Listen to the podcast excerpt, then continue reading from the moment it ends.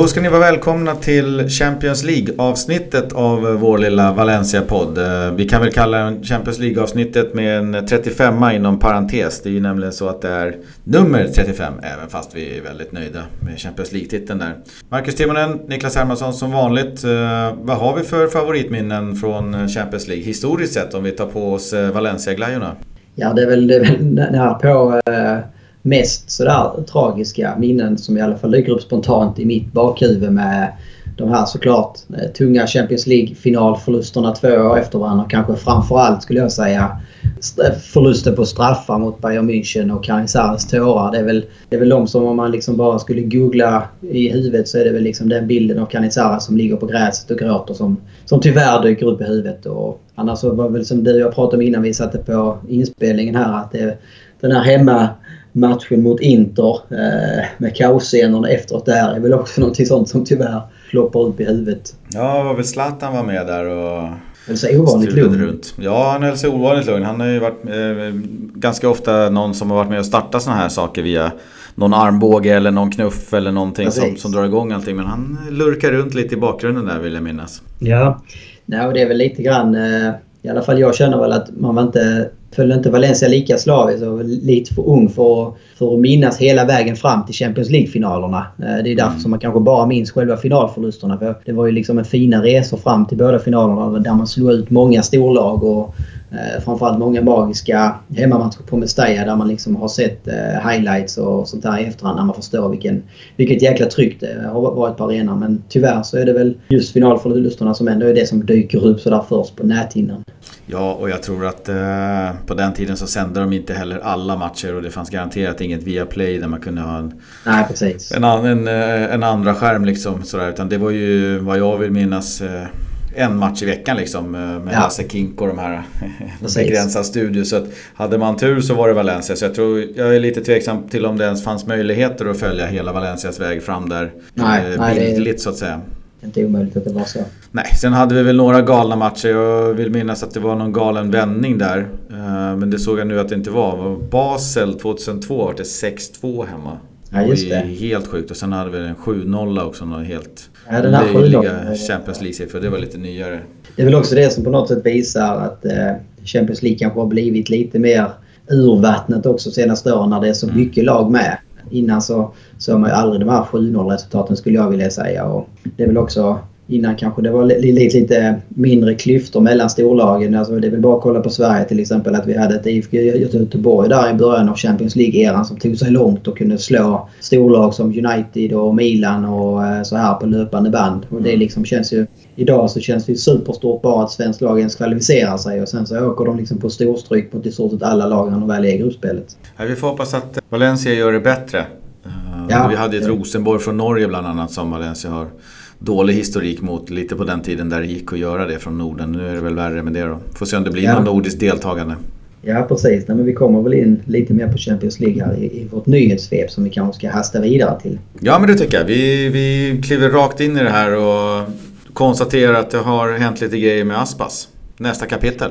Precis, följetongen fortsätter. Eh, nu har väl Celta bekräftat så att säga att Valencia har hört sig för om, om intresset för honom. Eh, presidenten gick väl bara ut och var ganska så kall och liksom hänvisade till att det finns en utköpsklausul på 40 miljoner euro eh, och det finns liksom ingen anledning för dem att sälja honom för mindre än det. Han har liksom de kvaliteterna han har och han är lagkapten och lagets kanske viktigaste spelare. Här sägs ju även nu att Atletico Madrid var intresserade av en signing. Aspas själv har väl också varit ute och pratat lite om det här och fick ju då en ganska så ledande fråga från en journalist om han, eh, om han ville spela för någon av de stora klubbarna eh, och svarade väl då ganska så eh, ja, Celta-vänligt om man nu säger så. Att eh, för honom var det det allra största var att spela för Celta. Så att, eh, det var väl inte mycket mer att vänta sig egentligen från Aspas som liksom är är liksom en Vigo-påg, eh, höll jag på att säga, och är lagkapten för laget och att han skulle gå ut och liksom bråka sig bort och säga att han vill spela i Valencia eller drömmer om att spela i de stora lagen. Det hade inte jag förväntat mig i alla fall. Utan, eh, det har väl också varit tydligt i de vändorna när han varit i Liverpool och Sevilla att, att han inte riktigt eh, lyckas på samma sätt när han är liksom utanför 50-skyltarna om man säger så.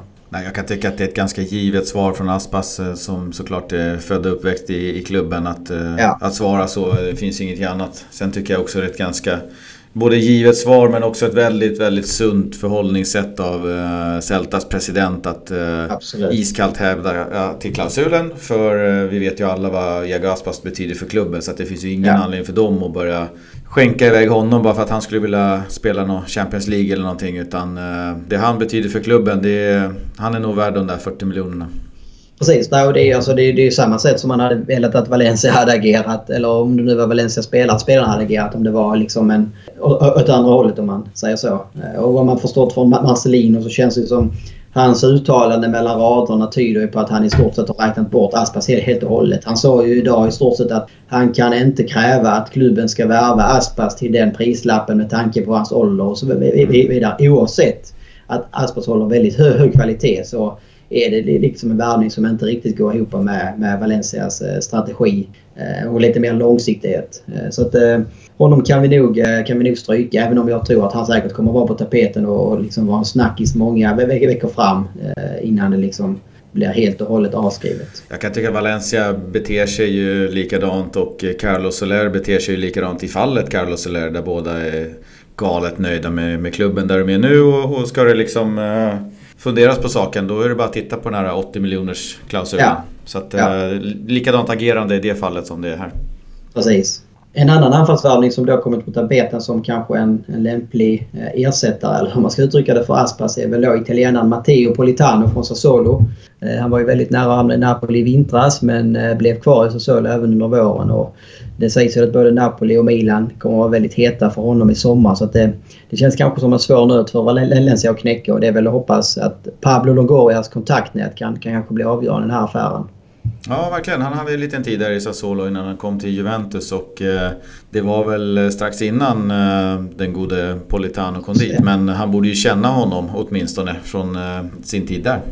Ja, men det, det känns som en spännande anfallare och det känns väl också kanske som en sån här värvning som har lite Valencia-stuk över sig. Man säger så. De här spelarna som är strax under de mest profilerade men som, som kanske har liksom en, en, eh, en utvecklingskurva som är på uppåtgående så att säga och där man har sina bästa år framför sig. Det är de här som Marcelino och Alemania har varit väldigt duktiga på att liksom fiska fram eh, så här långt.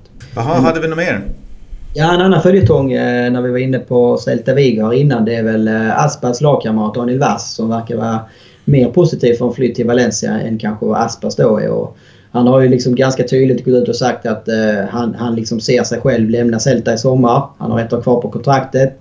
Men han, han vill gå och spela Champions League-fotboll och han menar väl också på att ska Celta Vigo liksom få in några pengar från honom så är det nu i sommar i så fall som, som han ska göra det eftersom hans kontrakt går ut om ett år och han inte har någon avsikt att förlänga det. Mm. Han sägs också gilla Spanien, eh, sägs gilla Valencia som stad och har sagt att eh, han tycker Marcelinos metoder verkar spännande så att eh, han har ju liksom eh, väldigt tydligt men ändå liksom indirekt uttalat sig om att eh, Valencia liksom skulle passa väldigt bra för honom och hans utveckling. Och prislappen sägs väl ligga mellan 8 till 10 miljoner för denna 28-årige dansk. Så det blir väl en intressant eh, spelare att följa. Som vi sa förra avsnittet så är det en spelare som kan spela i stort sett på båda kanterna. Han kan spela på innermittfältet och skulle säkert kunna spela i ytterback också. Så det, det, det kanske är liksom en bra eh, truppvärvning för att bredda truppen. Ja, vi var inne på det lite grann förra gången. Att det är nog mer en, en truppspelare i sådana fall. Eh, kanske ta Maximovics plats eller Pereiras plats eller lite sådär. Ja. Uh, man är med och breddar och, och, hoppar in lite då och då och avlastar när det är mycket matcher. Så att, uh, kan man få en för 8 eller under kanske uh, så tycker jag att det är bra. Jag tycker fortfarande 10 miljoner euro kan vara lite dyrt för en 28-åring. För att om man spelar i Valencia säg två år eller man tecknar ett kontrakt på tre år någonting. Då är han 31 och det finns inte en krona kvar att få ut från honom. Så att det är mycket pengar att lägga på en spelare. Så att, Ingen fel på kvaliteten tycker jag för en truppspelare men eh, jag ser nog hellre kanske 5 miljoner för honom. Ja, jag håller med. Sen så ett litet plus i kanten är väl att det hade varit kul med en, en skandinav i Valencia mm. så att säga. Ja, det hade det verkligen varit. Vi kan väl gå vidare med lite löst snack då. Eh, det saknas ju inte artiklar. Men det finns en kille som heter Boubacar Soumaré, 19-årig mittfältare i franska Lille. Som Valencia ska ha varit på eh, lite tidigare. Innan han valde Lille. Pablo Longoria har ju haft en massa möten med Anil Murti och Peter Lim här i veckan och de har dragit riktlinjerna om vad som, eh, vad som behövs till klubben och där har de ju så Bland annat gett honom en uppgift att hitta för en vettig peng då eh, Sett i kvalitet, potential och pris Att ta in ytterligare någon ung spelare Jag kan tycka att det känns lite som att det är i sann jakten på den nya Guedes-andan. Men man vill ju man vill ju hoppa ner något hack eh, och göra en eller ett par chansningar på lite yngre spelare eh, som de kallar La Perla. Eh, alltså ja. pärlor och diamanter som man kan hitta och sen förädla i klubben. Man, man känner nu att föreningen som sådan med Mestajo och Mar Marcelino som tränare har en fin förmåga att ta fram och förädla talanger. Så man vill göra någon eller någon chansning då.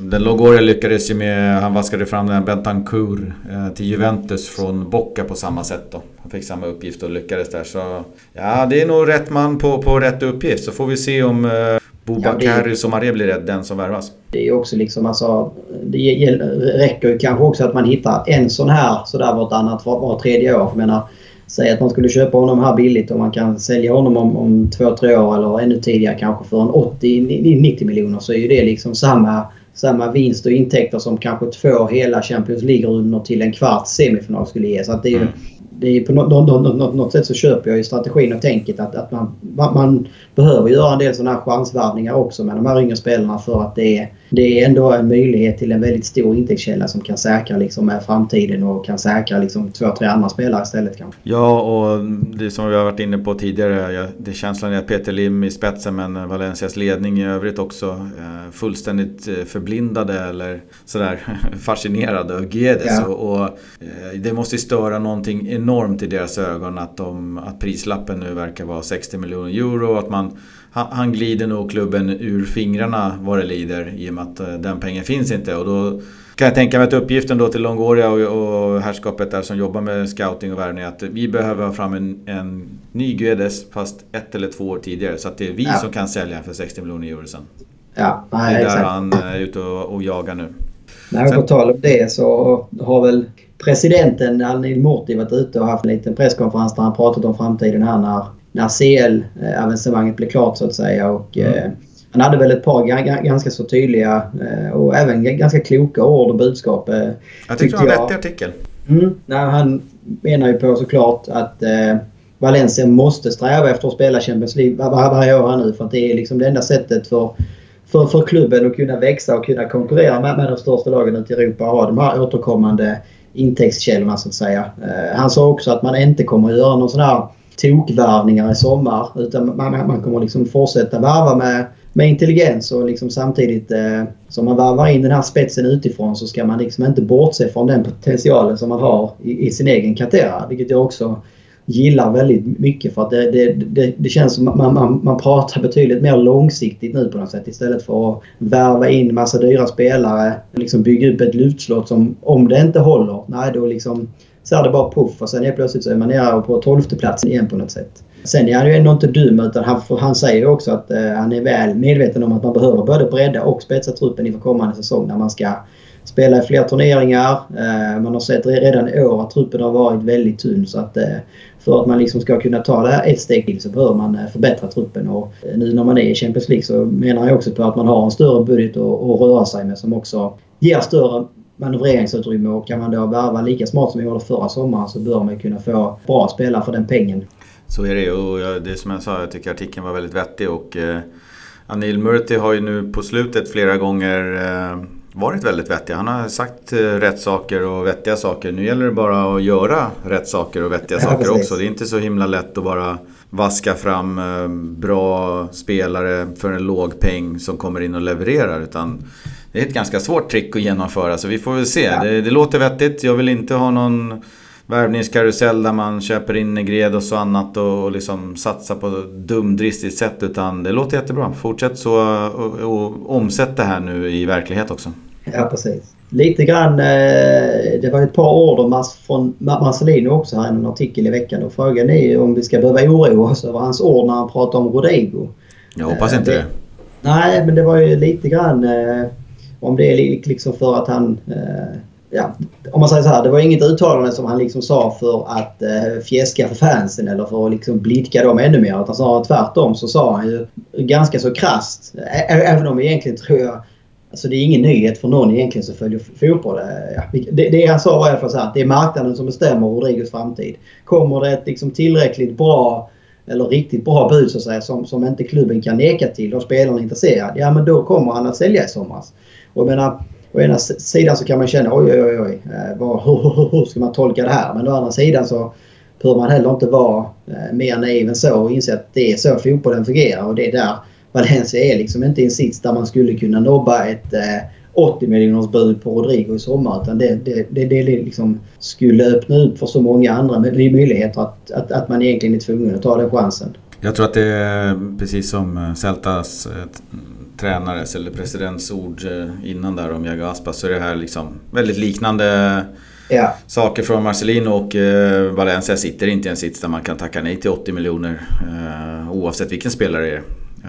tycker jag. 80-100 har de i klausul på flera stycken. Så att det är marknaden som styr på hela Valencias trupper. Är det någon som vill köpa Carlos Soler för 100 miljoner så är jag ganska övertygad om att han går för 100 miljoner. Ja. Eh, så är det. Det är, det är alldeles för mycket pengar för Valencia att tacka nej till.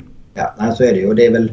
Alltså, vill, vill man liksom tolka hans uttalande lite mer positivt så kan man ju se det som att han säger att det är marknaden som bestämmer Rodriguez framtid. Det, det betyder ju också kanske då att Valencia kommer liksom inte aktivt försöka sälja Rodrigo mm. utan han finns där han finns. Valencia kommer liksom inte gå ut och söka efter bud eller liksom eh, eh, lägga ut några krokar utan det, det, är klubbar som får komma till Valencia och de, de, de behöver komma med tillräckligt bra pris så att man inte ska kunna tacka nej, nej till det. Och då är vi ändå uppe i ganska så bra summor så det betyder ändå att man inte kommer eh, tvingas sälja honom om man säger så. Utan eh, säljer man honom så kommer han också få riktigt bra betalt. Ja, väldigt vettigt.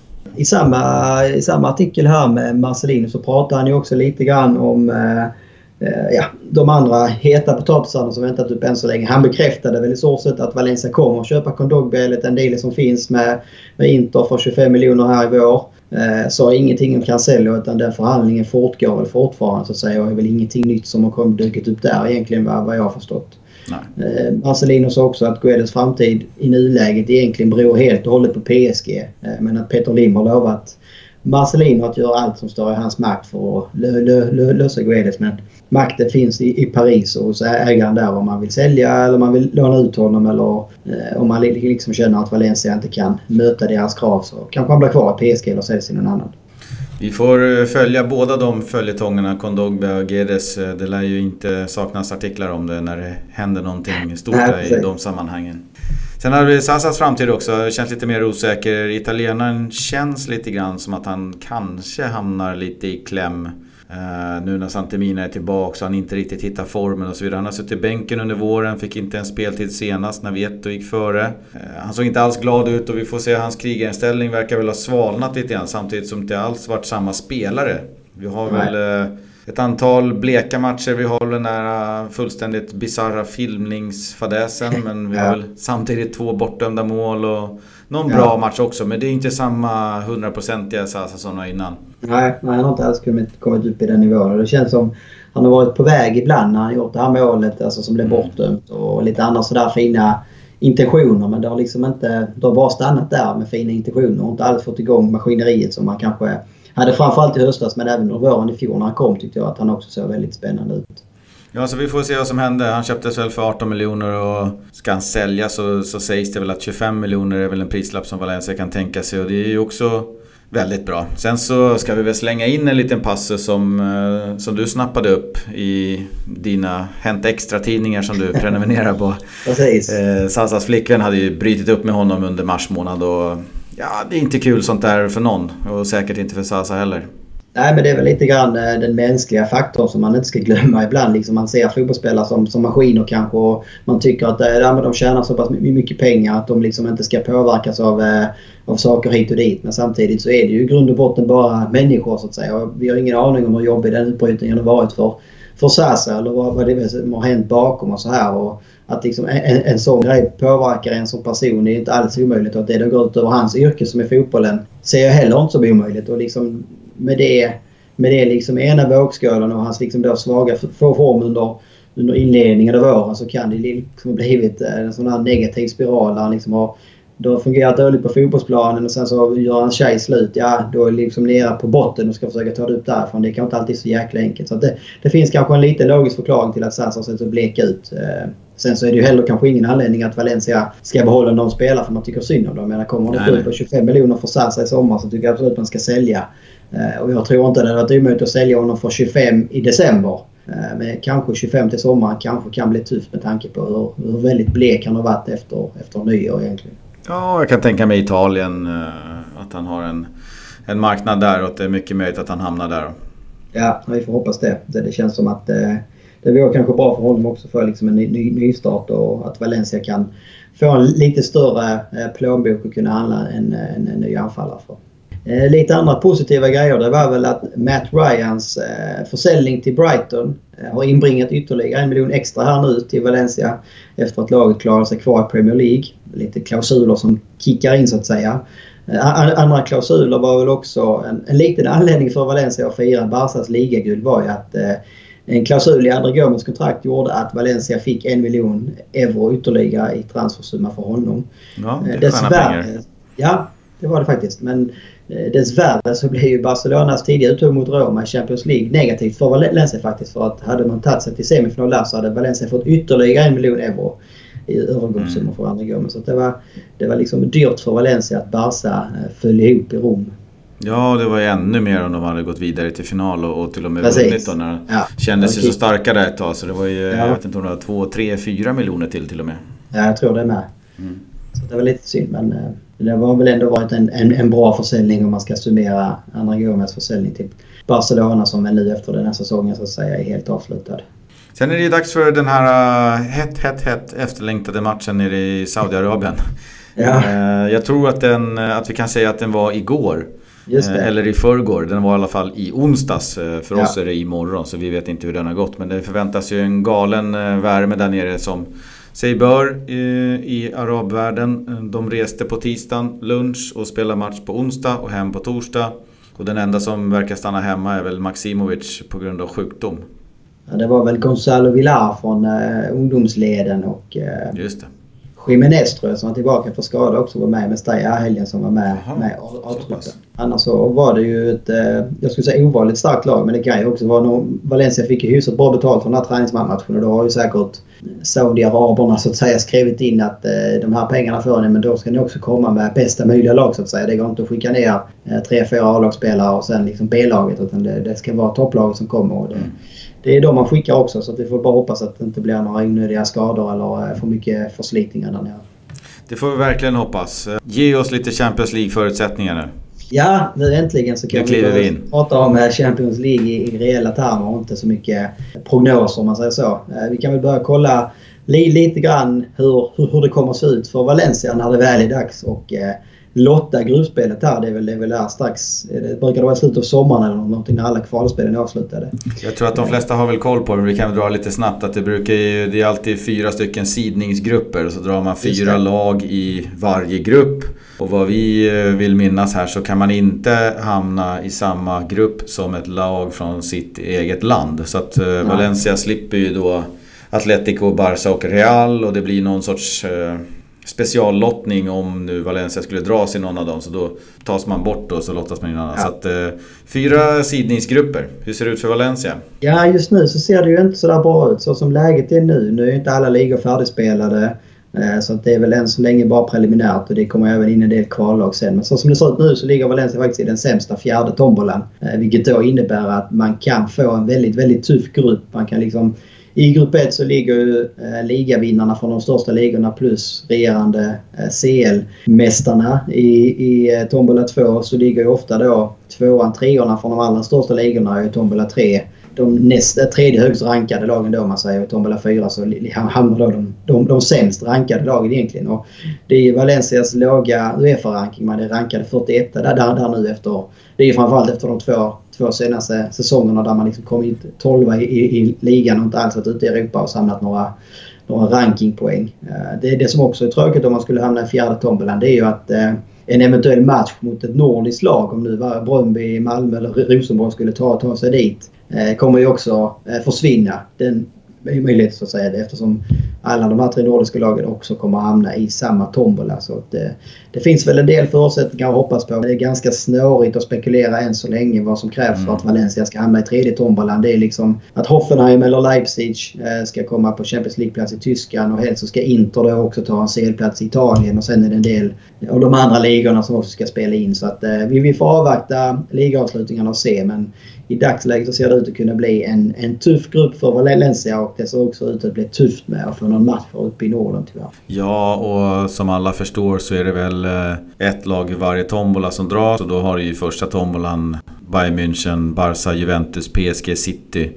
Men även Porto, Lokomotiv, Moskva. Och sen i andra tombolan är det ju lite mer åt eh, Dortmund, Shakhtar, Benfica, Atletico, United Neapel-hållet. Så det gäller ju att dra rätt i dem. Sen så Precis. kommer den tredje tombolan. Där har du lite mer och Roma, Dynamo Kiev, eh, Lyon, Besiktas, Monaco. Ja, men det är väl mer lag som, som man kanske skulle säga eh, Valencia ska kunna spela absolut jämt men har bra chans att slå. I tombola 1 och 2 så är det ju många tuffa lag så att säga. Eh, men som vi pratade om innan, alltså det finns ju också en ren... Även om man skulle hamna i fjärde tombolan så, så som det ser ut idag så finns det ju kanske en drömlottning då med Eh, Lokomotiv, Benfica och Salzburg. Eh, det är ju liksom är ju ingen direkt dödens grupp om man säger så. Men det kan lika gärna bli Bayern München, Napoli, eh, Lyon. Som kanske då är en lite tuffare grupp om man säger så. så det, det är väldigt tidigt att spekulera idag. Vi kan väl, det kan ju till och med vara så illa att Liverpool hamnar i tombola 3 om de förlorar finalen. Roma är redan där så det finns ju några minor att kliva på i. Ja, ja. Bland de varma och kalla kulorna eller, eller som det var någon som sa nu att de har skippat det där med varma och kalla. Att det är vibrerande kulor istället. Ja, ja det är mycket konspirationsteorier om den där CL. Ja, de måste också uppgraderas. De kan inte köra med den varma och kalla i alla år. Nej, men vi, vi, vi kommer säkert få all anledning att återkomma till det här i podden när, när det närmar sig och vi har förutsättningarna lite mer eh, klara. Nu är det ganska mm. mycket, mycket uppe i det blå än så länge innan alla ligorna är färdigspelade. Ja, så är det. Pengamässigt har vi väl pratat om. Det är ganska så rolig läsning såklart. 15 miljoner är redan säkrade när man kliver in i turneringen. Man har 0,9 eh, eller 1 miljon euro för varje poäng. Och det är ju då 2,7 för en vinst då, till exempel. Eh, åttondelen ger 9,5 extra, kvartsfinalen 10,5 extra, semifinal 12 extra och finalen 15 extra. Och den som vinner kanske inte är aktuellt, men alltså, 19 miljoner euro. Ja, det kan bli en riktig jackpot. Det var väl som vi räknade ut sist där. Nu behöver vi inte göra samma uträkning igen. Men en, en rimlig förutsättning för Valencia är väl i alla fall att ta sig till en åttondelsfinal. Och redan där så är det ju ändå en 30-40 eh, miljoner som man mm. borde kunna räkna hem. Och sen så kan man ju säkerligen, som vi sa, också räkna hem pengar på tröjförsäljning eh, eller tröjsponsorer och andra sponsorer. Och eh, tre eh, hemmamatcher då, eh, eventuellt fyra eller fem om man går till åttondel eller kvart. Så det, det är oerhört fina pengar in på alla, alla möjliga sätt. Och dessutom eh, när man ska ut och spela marknaden kunna locka och säga att vi spelar. Champions League i höst. Om du vill komma till Precis. oss. Ja, nej men det är ju alltså både det sportsliga och det ekonomiska är ju liksom eh, obeskrivligt viktigt för Valencia just nu efter att ha haft liksom eh, två riktigt, riktigt mörka år där man liksom varit nere på botten och vänt och varit liksom inblandad i bottenstrid och bara några år tillbaka så var man liksom nära konkurs och det har varit eh, kaos i hur många år som helst känns som. Och nu liksom förhoppningsvis så kan vi liksom hämta andan lite grann och börja se ljuset i tunneln och se ett långsiktigt Valencia igen som kan hitta tillbaka till den platsen där man hör hemma. Vi har kommit en bit på väg kan man säga från förra året när Peter Veteja ekade efter varje match och det var banderoller och protester och det var ingen klack i, på kurvan där och nej, det var, på ett år så har vi kommit till det här nu. Nu sitter vi och tjackar, eller snackar om Champions League-motståndare och alla är nöjda och glada så att uh, otroligt kul att se. Ja, no, det är lite ovanligt tycker jag i alla fall. Att, att, alltså, man brukar ju säga det att, eh, att rasera någonting går oerhört snabbt men liksom bygga upp det brukar ofta ta liksom några säsonger eller några år. Men den här, den här snabba förändringen som Valencia har gjort på bara en säsong är, är oerhört imponerande. Verkligen. Vi tar väl en liten trudelutt på det och börjar snacka om någonting eh, mer deprimerande kanske. Ah, ja, vi ska väl inte vara på allt för tråkigt och deppigt humör men vi ska ju ändå gå igenom en liten derbyförlust mot Villarreal. Eh, 1-0 i helgen. Det kändes som att eh, det var lite avslaget redan från början. Spelarna hade ju nåtts av beskedet att Champions League-platsen var klar. Jag vet inte hur det tog på deras fokus. Betis eh, förlorade mot Bilbao och då var det ju klart då. Sen så eh, det var lite tråkigt att de inte kunde samla kraft och energi för att göra ett bättre derby någonstans. Möjligheten att spela helt utan press och stress eh, hade de ju, men det såg lite lojt och håglöst ut eh, på allt för många spelare. Vad är dina reflektioner?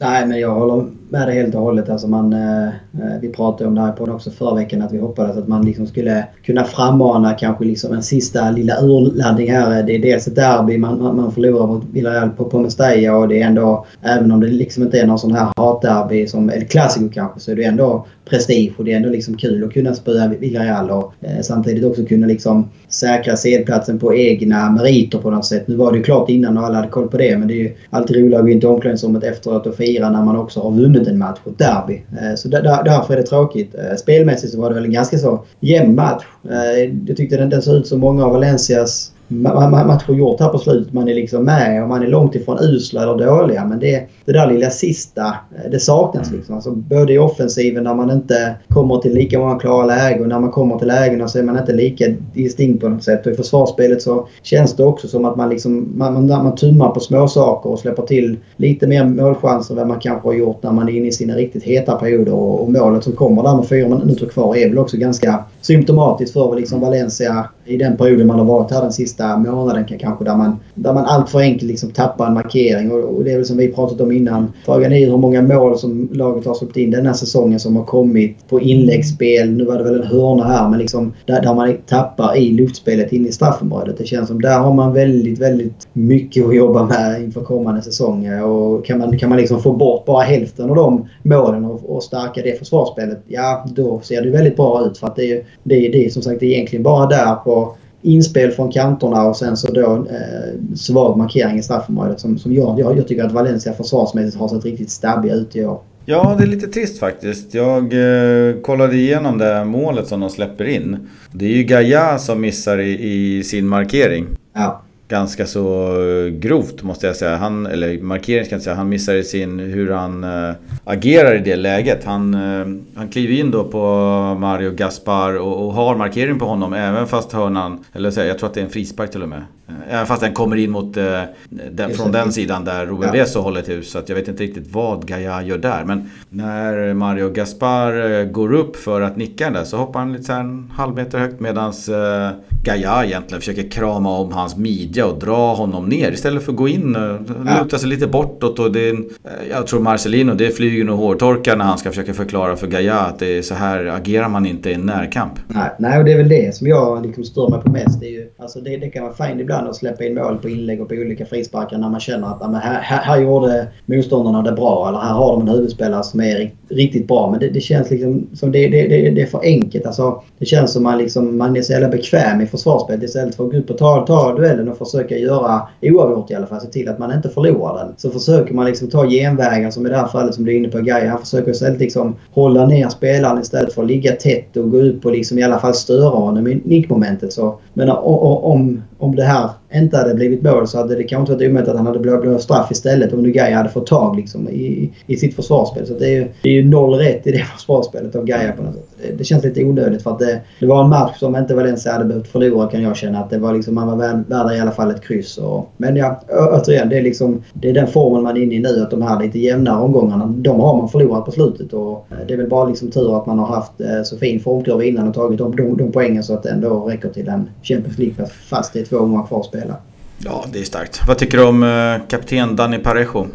Nej, jag tycker också det är väl alltså han har kanske också blivit den här symbolen för hur Valencia sett ut på slutet. Vilket också är lite konstigt med tanke på att han ändå har haft en, en landslagsplats och VM-plats i Spanien och spela om. Så hade man ju hoppats och kanske trott att han liksom skulle höja sig och liksom verkligen kräma ut 110% av, av sig själv. Eh, för att liksom visa förbundskaptenen att han vill vara med och, och kriga om en av platserna inför sommarens VM. Men eh, han har ju varit riktigt, riktigt dålig på slutet skulle jag säga. Och har verkligen spelat bort sig själv. Eh, nu senast mot Villarreal så tycker jag att eh, han, har ju ett sätt att se sådär nonchalant låg ut när han har de dagarna. Och det är det man har sett. Eh, liksom man har sett, sett, sett den gamla Parejo här tycker jag. Och det, det är inget lagkaptensämne i min bok i alla fall. Eh, han, som lagkapten så måste man alltid ha en, en rimlig nivå på sin lägsta nivå eller hur man ska uttrycka det. Och det, det, det tycker jag inte Parejo har. När, han, när Parejo är dålig så ser, han, så ser han riktigt dålig ut och då gör han inte ens jobbet. Och som lagkapten så ska man alltid kunna kräva det, i min bok i alla fall. Att du, du kan ha en dålig dag tekniskt men man, man, ska alltid kunna se att du ger allt för liksom, klubbmärket och laget och gå i bräschen. Och det tycker jag inte han har gjort här på slutet. Nej, och jag kan tycka om man tittar på Valencias eh laguppställning eller trupp så, så tycker jag att valet av Dani Parejo är eh, rätt. Ur den aspekten att eh, vad jag förstod så var det ju spelarna väldigt snabbt som tyckte det. Och att eh, Marcelino valde liksom eh, en rutinerad herre, en mittfältare brukar oftast vara kapten och så vidare. och så vidare. Ja. Därmed inte sagt att han är en, en perfekt lagkapten som, som man alltid vill ha. Eh, men jag tror att det är det som vi möjligtvis har i laget idag. Jag skulle kunna argumentera för att jag kanske skulle vilja ha Rodrigo hellre. Men jag köper valet av Dani Parejo som det ser ut just nu. Jag vill också tänka mig att alltså, en liten anledning eh, till att Marcelino har valt Parejo det det är nog inte omöjligt heller att, att det är för att Marcelino vill liksom, eh, kräma ur de här sista procenten av Parejo. Han, han vet att Parejo ibland har en förmåga att liksom gå ner sig, bli lite lat och loj. Och, eh, kanske då tänkt att med en kaptensbindel på armen liksom så, så kommer han tänka efter lite mer att han ska vara den här förebilden och han, han ska gå i bräschen och liksom hålla fokus lite mer än vad han kanske gör utan bindeln på armen. Eh, sen om det är rätt eller fel anledning till att bli lagkapten, det kan man alltid eh, diskutera vidare. Men sen så håller jag med dig också om att Dani Parejo är väl lite grann lagkapten i Valencia idag i brist på andra bra mm. alternativ. Alltså där är ingen klockren ledare på det sättet som vi har haft Albella eller Ayala eller den här typen av liksom härförare ute på planen. Mm. Det finns inte i Valencia idag och då är väl kanske Dani Parejo liksom ett av de valen som är eh, bäst lämpliga trots allt. Ja, man vill ju gärna ha en, en ganska så stor, stark, eh, hård i närkamperna och som verkligen eldar på sina kamrater och så vidare. Parejo har väl tagit några steg i rätt riktning då, men han är ju inte den självklara ledaren och kaptenen om man skulle få välja fritt bland nej, spelarna nej, i Spanien. Så att säga. Rätt val med tanke på vad vi har i laget just nu. Ja, nej, och sen så alltså, kollar man på hans säsong som helhet så har han ju varit betydligt bättre i år än han varit eh, de tidigare säsongerna här och eh, har väl ändå liksom eh, i, i, i, stort sett varit ett föredöme och varit liksom en av de bättre under hösten när, när laget trummar på. Men det är väl fortfarande det, det man saknar. Det är väl att han kliver fram ännu mer i den här typen av matcher när det går tungt för laget. Så att han är en av dem som liksom laget kan luta sig mot och, och liksom, eh, ja, går i bräschen på något sätt och visar att det är ett annat slags ledarskap när, när laget faktiskt behöver det som mest. Där, där, där tycker jag han har en hel del kvar att jobba med. Så är det. Ska vi ta och avsluta med lite kommentarer kring eh, scenen efter matchen? Ja, nej, men det, det, var väl, eh, det var väl den lilla behållningen. Själv hade man lite svårt liksom, och, eftersom målet kommer så sent också. Det kändes mm. så onödigt och man inte var nöjd med insatsen. Så, ja, det var li, li, lite liksom smolk i den glädjebägaren man kände inför det här derbyt. Att ah, Champions League är klart. Nu kan man bara liksom njuta av en eh, match som man egentligen inte behöver bry sig om hur, det går. Men så som det blev så var det ändå lite retligt efteråt att man liksom hade förlorat och man hade noll poäng mot Villarreal den här säsongen. Men eh, när man då liksom såg bilderna inifrån omklädningsrummet så verkade det som det var få Valencia-spelare som, som kände så. Det var ju liksom, eh, man duschade väl presidenten och tränare och det liksom var sång och dans och, och allting sånt där. Och det var ändå lite li, li, li, liksom förlösande att se på något sätt. Och det är ju det är, det är klart att spelarna liksom är väl värda att fira detta. Man har gjort en, liksom en enastående säsong. Eh, och många års ökenvandring så är det äntligen eh, CL-spel säkrat på Messiah igen. Så det, det, var väl väldigt kul att se och det är väl det, det som vi också liksom ska ta med oss från den här omgången egentligen. Att vi, vi, vi säkrar CL-spel och allt annat kan vi glömma egentligen. Oerhört viktigt och det var kul att spelarna äntligen fick eh, glädjas. Det var ju rikligt med Valencia-fans. Över tusen stycken ja, som hade ja. gjort resan på 63 kilometer norrut. Så det var ju kul att de fick fira då. Jag tror att det var många som hade det på känn. Jag hade väl även ett par kollegor från Chess Scandinavia på plats. Så det var väl kul att de fick en Champions League-helg nere i Valencia. Ja, väl värda. Vi eh, jinglar väl på lite så går vi in på nästa match. Mm. Ingen rast, ingen vila för laget. Eh, dels så hade vi ju träningsmatchen i Saudiarabien i veckan. Det var ju lämpligt att den dök upp efter Champions League-avancemanget. Men redan till helgen på lördag så är det en ny match mot eh, Girona borta. Och man får väl anta att de nästan flyger dit direkt från Saudiarabien. Eh, alternativt så blir det ett kort stopp hemma. Det ligger ju i Barcelona-trakterna där. Eh, Parejo avstängd och det öppnar ju kanske upp för en Soler centralt. Jag tror inte Carlos Soler själv har någonting emot det. Eh, kanske Pereiras sista möjlighet på högerkanten att spela till sig en fortsatt plats i Valencia. Så får vi se. Jag ser gärna Ferran Torres från start. Det kan han behöva för sitt självförtroende. Och varför inte? Kan vi få se en Kangeli som inhoppare i någon av de två sista omgångarna? Han gjorde ju mål för Valencia Mestalla i helgen. Vad säger du? Nej, jag håller med. Alltså, jag tror att eh, nu var väl Maximovic lite sjuk eller skadad här också. Mm. Så det, det, var väl kanske det enda eh, motargumentet på innermittfältet. Så det känns som eh, Solea kommer säkerligen spela där på lördag tillsammans med Kondogbia. Eh, och då blir det väl intressant då om det är Pereira eller Fantoro som, som tar Soleas givna plats ute till höger. Och jag hade gärna sett, alltså vi har pratat om det innan, att det var kul liksom. Jag tror både det, det liksom, hade varit hade varit skoj att se Kangeli men det var väl också som vi pratat om innan att det, det brukar ju kunna finnas i en del kontrakt och sådär eh, och utköpsklausuler och allting som kickar in att har du gjort liksom några minuter i, i, i, i La Liga så finns det ett annat läge för, för, för klubben. Liksom. Så att jag tror även ur det perspektivet om man ska tänka rent ekonomiskt och långsiktigt och kontrakt duellt så att säga så hade det varit eh, bra att, ge Kangeli några minuter här och det är väl också kanske för att visa honom att, att man tror på honom inför framtiden och att han inte ska lockas av några eventuella eh, toner från andra klubbar som kanske kan komma i sommar utan Marcelino kan sälja in liksom att fortsätter han jobba på så kommer han snart ha en plats i truppen i alla fall. Så att, eh, jag håller med dig på varenda punkt faktiskt. Ja, vad bra. Vi får verkligen hoppas att... Eh, jag funderar på en sån som Guedes också. Kommer man fortsätta spela honom? Eh, kan ju spontant kanske inte komma på varför man inte skulle göra det. Men samtidigt så är det ju PSGs spelare och kanske Precis, varvas lite på hans plats. Ja, nej, men det är väl det som man liksom kan ställa sig frågan här nu. Vad, vad vi egentligen kan vänta oss av Valencia här nu de två sista omgångarna. Nu börjar man ju borta mot Girona här. Och laget har ju, Valencia har ju sett väldigt lojt ut på sista tiden. Man har en svag form med fem raka utan seger. Och det är väl frågan om Marcelino kan samla ihop och få till liksom 100% insatser här i två omgångar. Eller om det blir att det blir ytterligare en lite låg insats här mot Girona och sen så då i avslutningen hemma på Mestalla i sista omgången mot Deportivo. Så får vi liksom mer se att man kör en sista urladdning och vill avsluta snyggt inför sina fans kanske. Men där är ändå en del spelare som jag skulle säga som kanske fortfarande spelar för sin framtid i, i Valencia och kanske även då eh, slåss om en, en, en eventuell VM-plats. Om man tänker på framtiden i Valencia så är det väl som du var inne på där med Pereira. Eh, kanske även den Simon Sarsa som vi var inne på innan. Vad händer med Martin Montoya? Kan han gå in och göra två bra insatser här och kanske visa att han, han i alla fall ska vara liksom en rotationsspelare på hö, hö, högerbacken. Och en sån som Maximovic vill han spela till sig kontrakt och visa upp sig så kanske han har chansen här nu i, i de sista omgångarna där man kanske, kanske väljer också vila en del av de här spelarna som, som liksom har utnyttjats hårt och som kanske är lite slitna och dränerade rent eh, psykiskt. Och kanske också det är en anledning till att de inte har sett lika heta ut på slutet om man säger så. Jag tycker spontant att Ruben Vesos dagar på högerbacken måste nu återigen vara räknade. Jag tyckte inte alls han gjorde någon bra insats senast mot Villarreal. Sen eh, tror jag nog att eh, Marcelino kommer ge Tony Lato speltid på Gaias plats. Ja, nej, men det är faktiskt det är, det är bra input.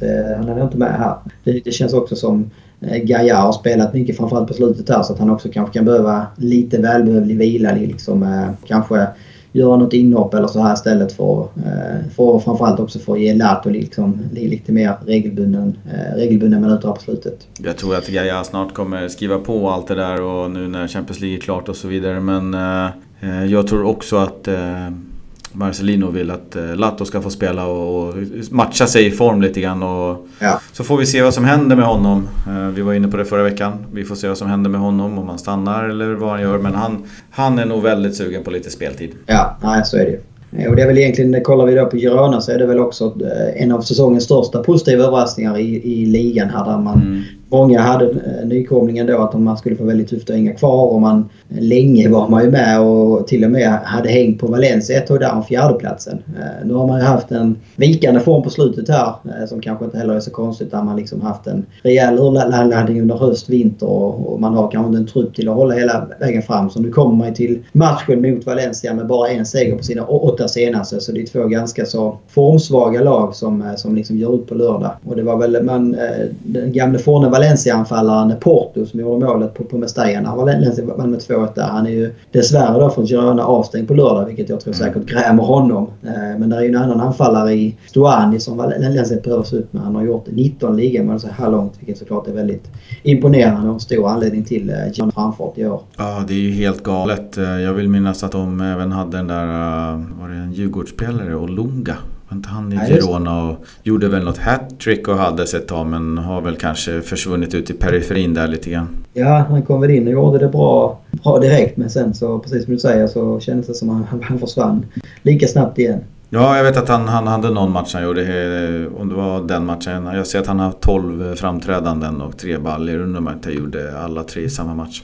Jo, jag känner det också. Förvånad att helt plötsligt hoppade Lindgren in och gjorde liksom hattrick i, i, i La Liga. En spelare som man kanske liksom inte var så jäkla dominerande i Allsvenskan. Helt plötsligt gjorde han hattrick i La Liga. Vi får väl hålla ett öga på den här Maffeo också. Har ju varit lite i Valencias radar. Just det. Högerbacken. Ja, Sen tror vi väl inte att han är det längre då, i och med att han signade kontrakt och så vidare. Men det är en bra, bra kille att hålla ögonen på. Ja, absolut. Ska vi försöka oss på att tippa rätt en gång då? Ja, två chanser på dig nu att jaga ikapp. Det gick inte så bra för oss sist. Du hade 1-1 med Parejo som målskytt och jag hade seger 2-0 för Valencia med Rodrigo. Så det var väl du som var närmast med ditt 1-1 i alla fall. Jag var ganska så långt ifrån. Ja, så var det. Du, eh, snart är det, om inte jag tar in några poäng nu så är det tre poäng eh, bakom och då blir det tufft på en omgång. Så då börjar jag. Och nu ska jag eh, testa någonting eh, nytt igen. Och då uh, testar vi väl 1-1 då. Uh, ja. Det kan vara ett gångbart resultat där nere. Kryss och 1-1 och så slänger han ju in lite nytt folk och jag chansar på Carlos Soler. Carlos Soler stiger fram från inom Det där är en eh, högoddsare. Ja, men det känns ändå två formsvaga lag som inte har något att spela för. 1-1, båda hyfsat nöjda med. Ja, jag kan ändå köpa resonemanget på ett sätt. Jag tänkte ingen av oss har väl hittills tippat på Carlos Soler som första målskytt? Nej, inte det heller. Men uh, han har inte... Han såg ju väldigt bra ut på innerfältet när, när han spelade där sist. Så att, uh, jag tycker inte alls att det är någon, någon knasig gissning. Uh, jag känner väl att jag behöver sticka ut lite grann. så jag tippar faktiskt Valencia-seger den här mm. gången. Äntligen! Jag det i omgång 37.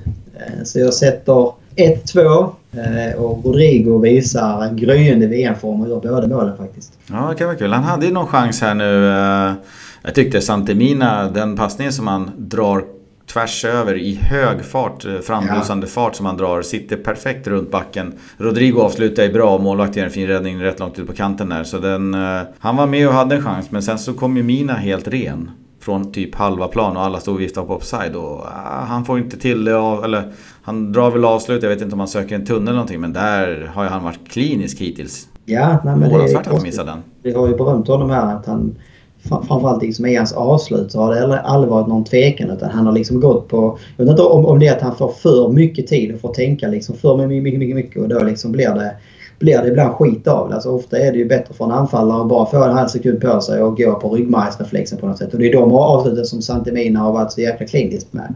Här är han fri alldeles för länge och hinner väl tänka både en och två och tre tankar på vad han ska göra. Sen när han kommer fram så blir det liksom inget bra avslut överhuvudtaget. Så är det ibland. Så, revansch till helgen. Ja. Eh, däremot så börjar det väl lida mot sitt slut. Ni har fått hängt med oss här i 50 minuter och häng gärna med oss på sociala medier så ska vi se till att vi återkommer nästa vecka. Jag har en liten eh, snabb tripp till eh, Spanien i helgen och du ska väl njuta av familjelivets eh, härliga dagar. Så får det väl bli. Det är ju ledighet på torsdag och sen klämdag på fredag och så är vi på, på bollen igen eh, efter en seger mot Girona. På torsdag kommer det väl ut nästa vecka kan jag tänka Just det, det laddar vi för. Och för en avslutnings, eh, säsongsavslutning i, i fotbollen i alla fall. Och så får vi väl återkomma om... Eh, det blir väl ingen säsongsavslutning för podden men vi får väl återkomma om hur, hur frekvensen kommer att se ut i sommar. Och tanken är väl att vi kanske ska ha några gästavsnitt och sånt här som eh, kan blanda upp det när det inte, när det inte liksom händer lika mycket nere i Valencia. Så att vi kanske kan fylla avsnitten med, med nyhetssnack. Men eh, vi återkommer väl om det. Jag slängde in en ansökan om lite sommarledigt från podden också. Får se om det blir godkänt. Ja, ja den ligger här och tittar ja, det är bra. Nej men vi säger väl som vanligt på återseende och hasta luego. Hasta luego.